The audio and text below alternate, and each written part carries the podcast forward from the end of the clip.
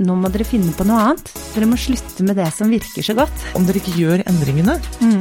så betyr jo det at eh, dere som organisasjon kommer til å dø ut. Det, det er ingen utvikling i lukkede rom eller eh, i ting som blir liggende under teppet. Og vi har jo fremdeles eh, 24-7-ansvar for de barna, selv om de ikke henger på et kjøleskap. Så det er jo en oppvåkning i vår bransje. Fremtidens arbeidsliv med Trine Larsen. Podkasten for deg som er litt over middels nysgjerrig og liker å holde deg oppdatert på alt som rører seg i arbeidslivet. Ny utgave av Fremtidens eh, arbeidsliv. Fast, eh, fast panel er eh, Trine Larsen, som er administrerende direktør i Hammer Hamborg. Og i dag så er temaet en lærende organisasjon. Og da har du invitert uh, Sissel Aarak, som er generalsekretær i SOS uh, Barnebyer. Og dere, Sissel, har kjent litt på at dere må endre mye og lære alle noe nytt, og til og med et nytt tankesett. Hva, hva går det ut på? Vi har alle måttet lære mye de siste årene, men SOS Barnebyer har måttet lære ekstra mye.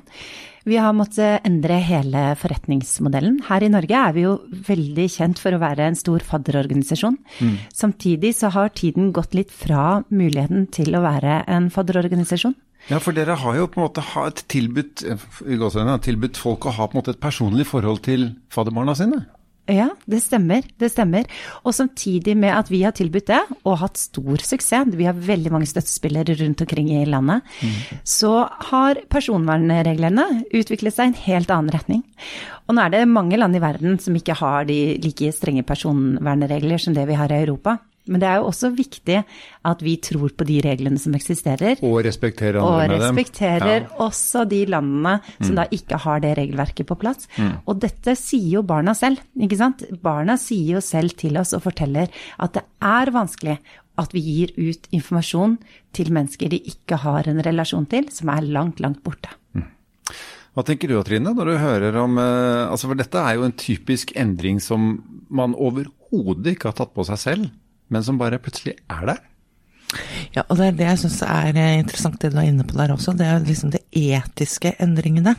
Eh, og det er det vi ser kanskje er noe av det nye også inn i den industrielle revolusjonen vi er i nå. Hele den etikkendringen som også foregår. Og så er det en veldig krevende og annerledes lederrolle oppi dette. Og jeg syns jo Sissel har en veldig spennende bakgrunn også både fra IT, teknologi, offentlig sektor, nå organisasjon. Eh, men jeg tenker, eh, hvor, hvor viktig syns du historien din er, og eh, hva får du brukt nå i den situasjonen dere står i nå som organisasjon, da, og lederrollen din?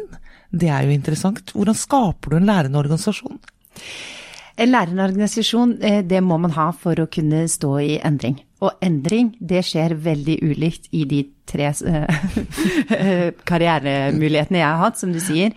Uh, det er vesentlig annerledes å jobbe i tech og da gå til stat, hvor endring er utrolig regelstyrt, med tilhørende forsinkelser, til å komme til en organisasjon hvor endring også innebærer mange følelser. Mm. Fordi det er eh, engasjerte mennesker som har gjort et verdivalg, og som kommer og jobber. Og de kommer mm. med hele tilleggsmomentet som er seg selv og sitt eget engasjement. Mm. Det er ikke bare en arbeidsplass. Og da skulle gå inn og jobbe med en lærende organisasjon fordi det nettopp er så viktig. Fordi er man ikke lærende, så klarer man ikke å endre seg i den takten som samfunnet krever, som, som verden krever. Mm. Og lærerne, det handler jo også om å innrømme feil, og innrømme at eh, det man har gjort, kanskje ikke er det som er det mest effektive.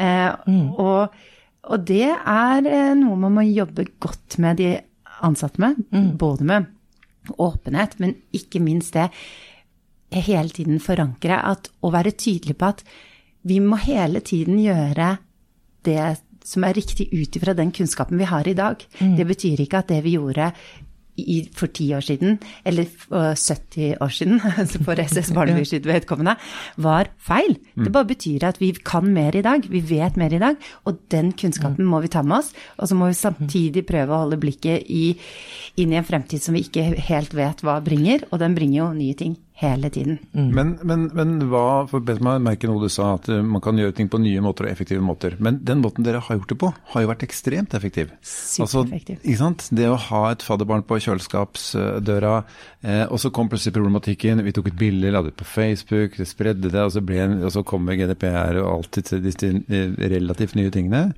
Så dere må jo egentlig også finne opp noe som erstatning til noe som faktisk funka bra.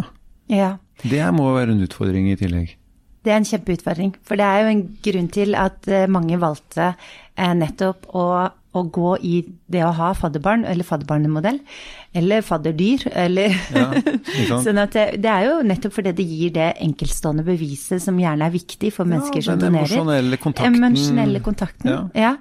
Og det å, å skulle ha den tilsvarende tilliten til en organisasjon, eller til, eh, til, til en større historie om samfunnet man endrer, Mm. og uten det beviset i det enkelte individ, det er en kjempestor oppgave. Ja, fordi at det du sier nå også ligger jo egentlig altså Det dere egentlig gjør, er jo å ta en eh, ganske viderekommende respekt for folks personvern i vår del av verden, og lar den gjelde alle andre.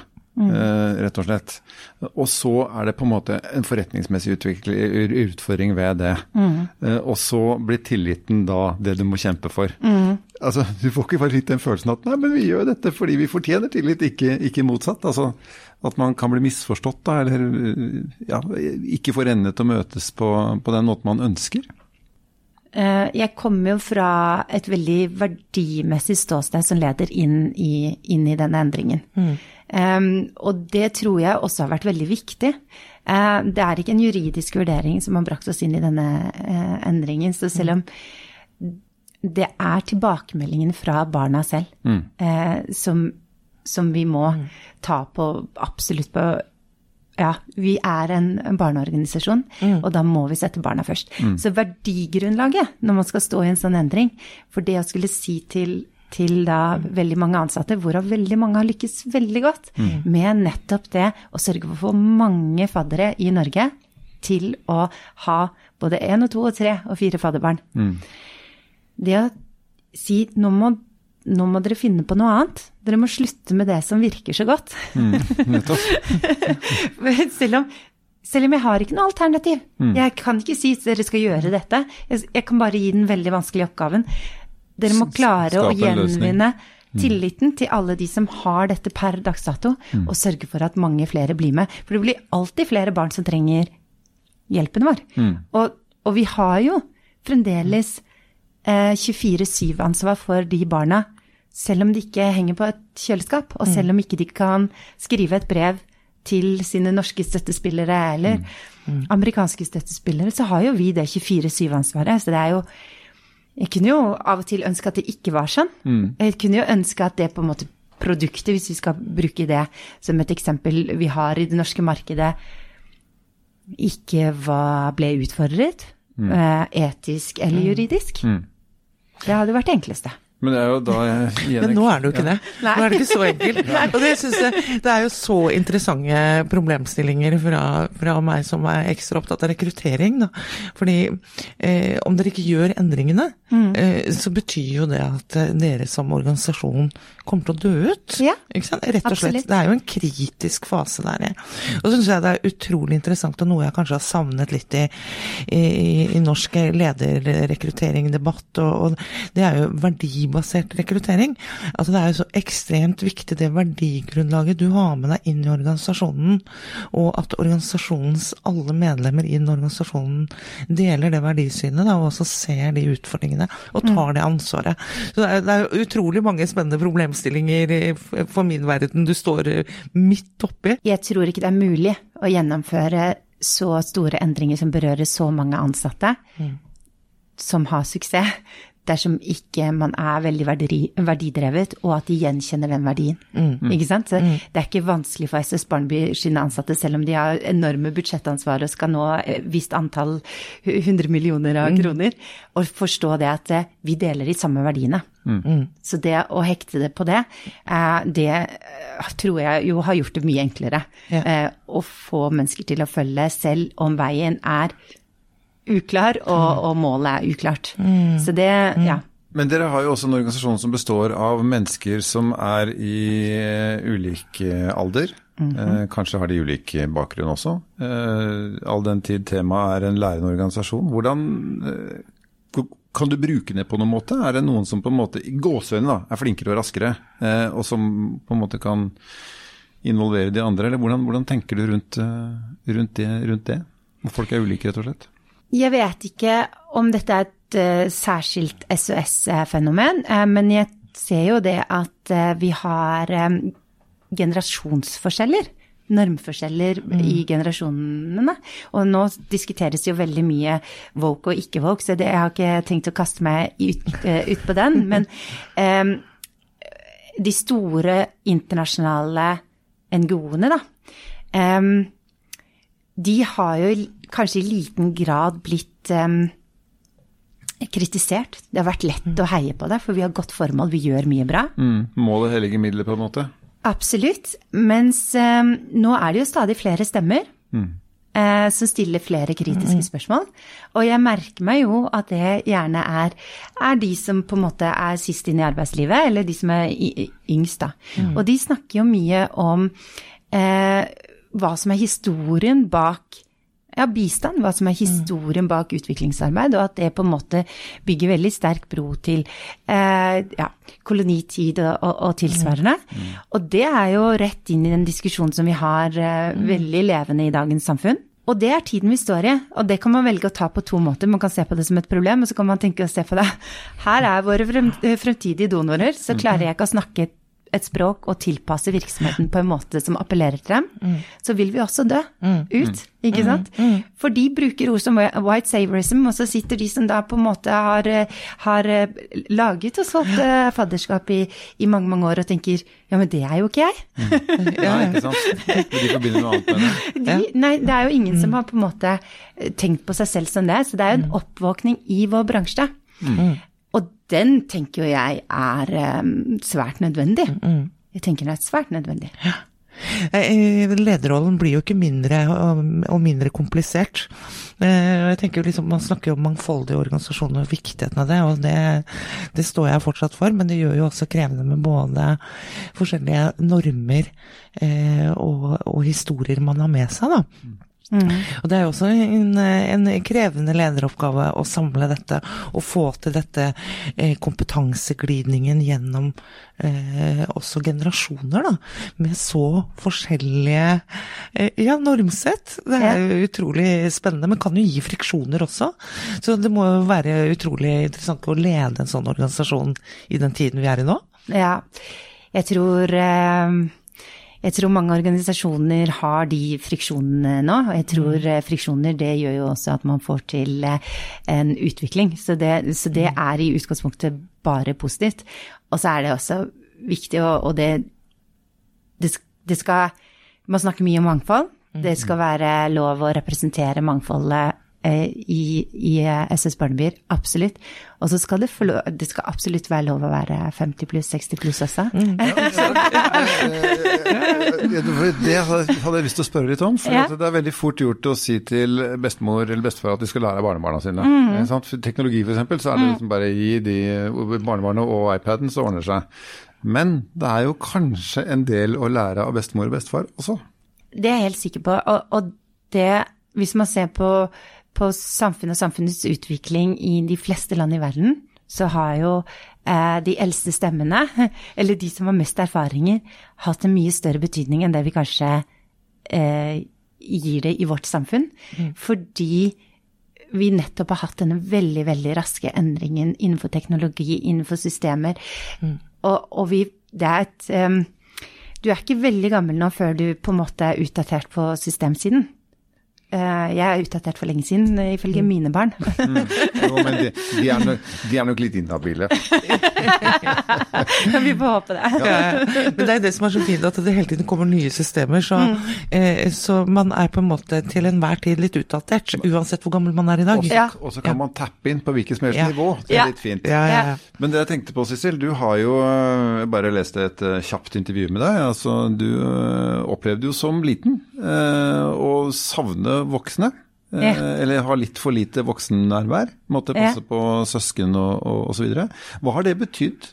Eh, at du på en måte har kjent litt på å være eh, ensomt barn, da, sånn ansvarsmessig?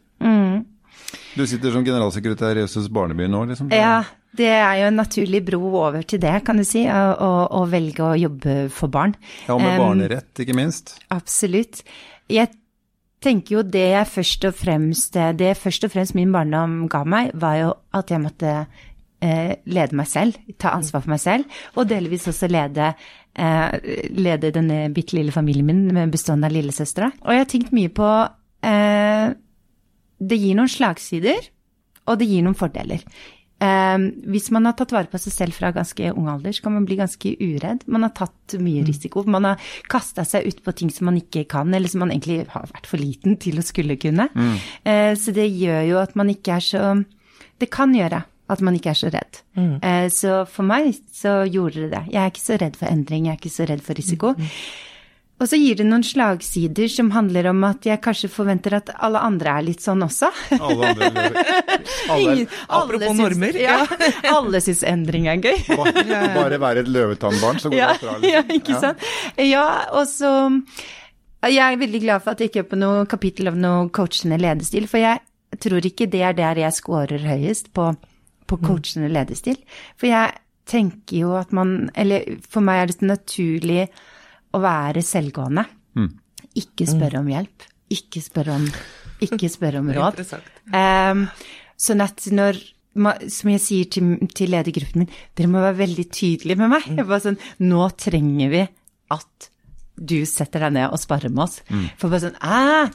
den beskjeden kan jeg ta, men det kommer ikke av seg selv. Så det er noen slagsider med det. Men det som er positivt i denne er jo, tilfellet er jo at når man må lede en ikke bare en norsk organisasjon i endring, men jeg sitter jo også i den internasjonale ledergruppen, så er det positivt å ikke være så redd for at man må endres. Du er veldig opptatt av eh, verdier, Sissel. Eh, disse tingene som du nå eh, forteller om din eh, barndom, og hvordan det har gitt deg både eh, styrker og som du, kaller slagsider, som du må sikkert være bevisst på.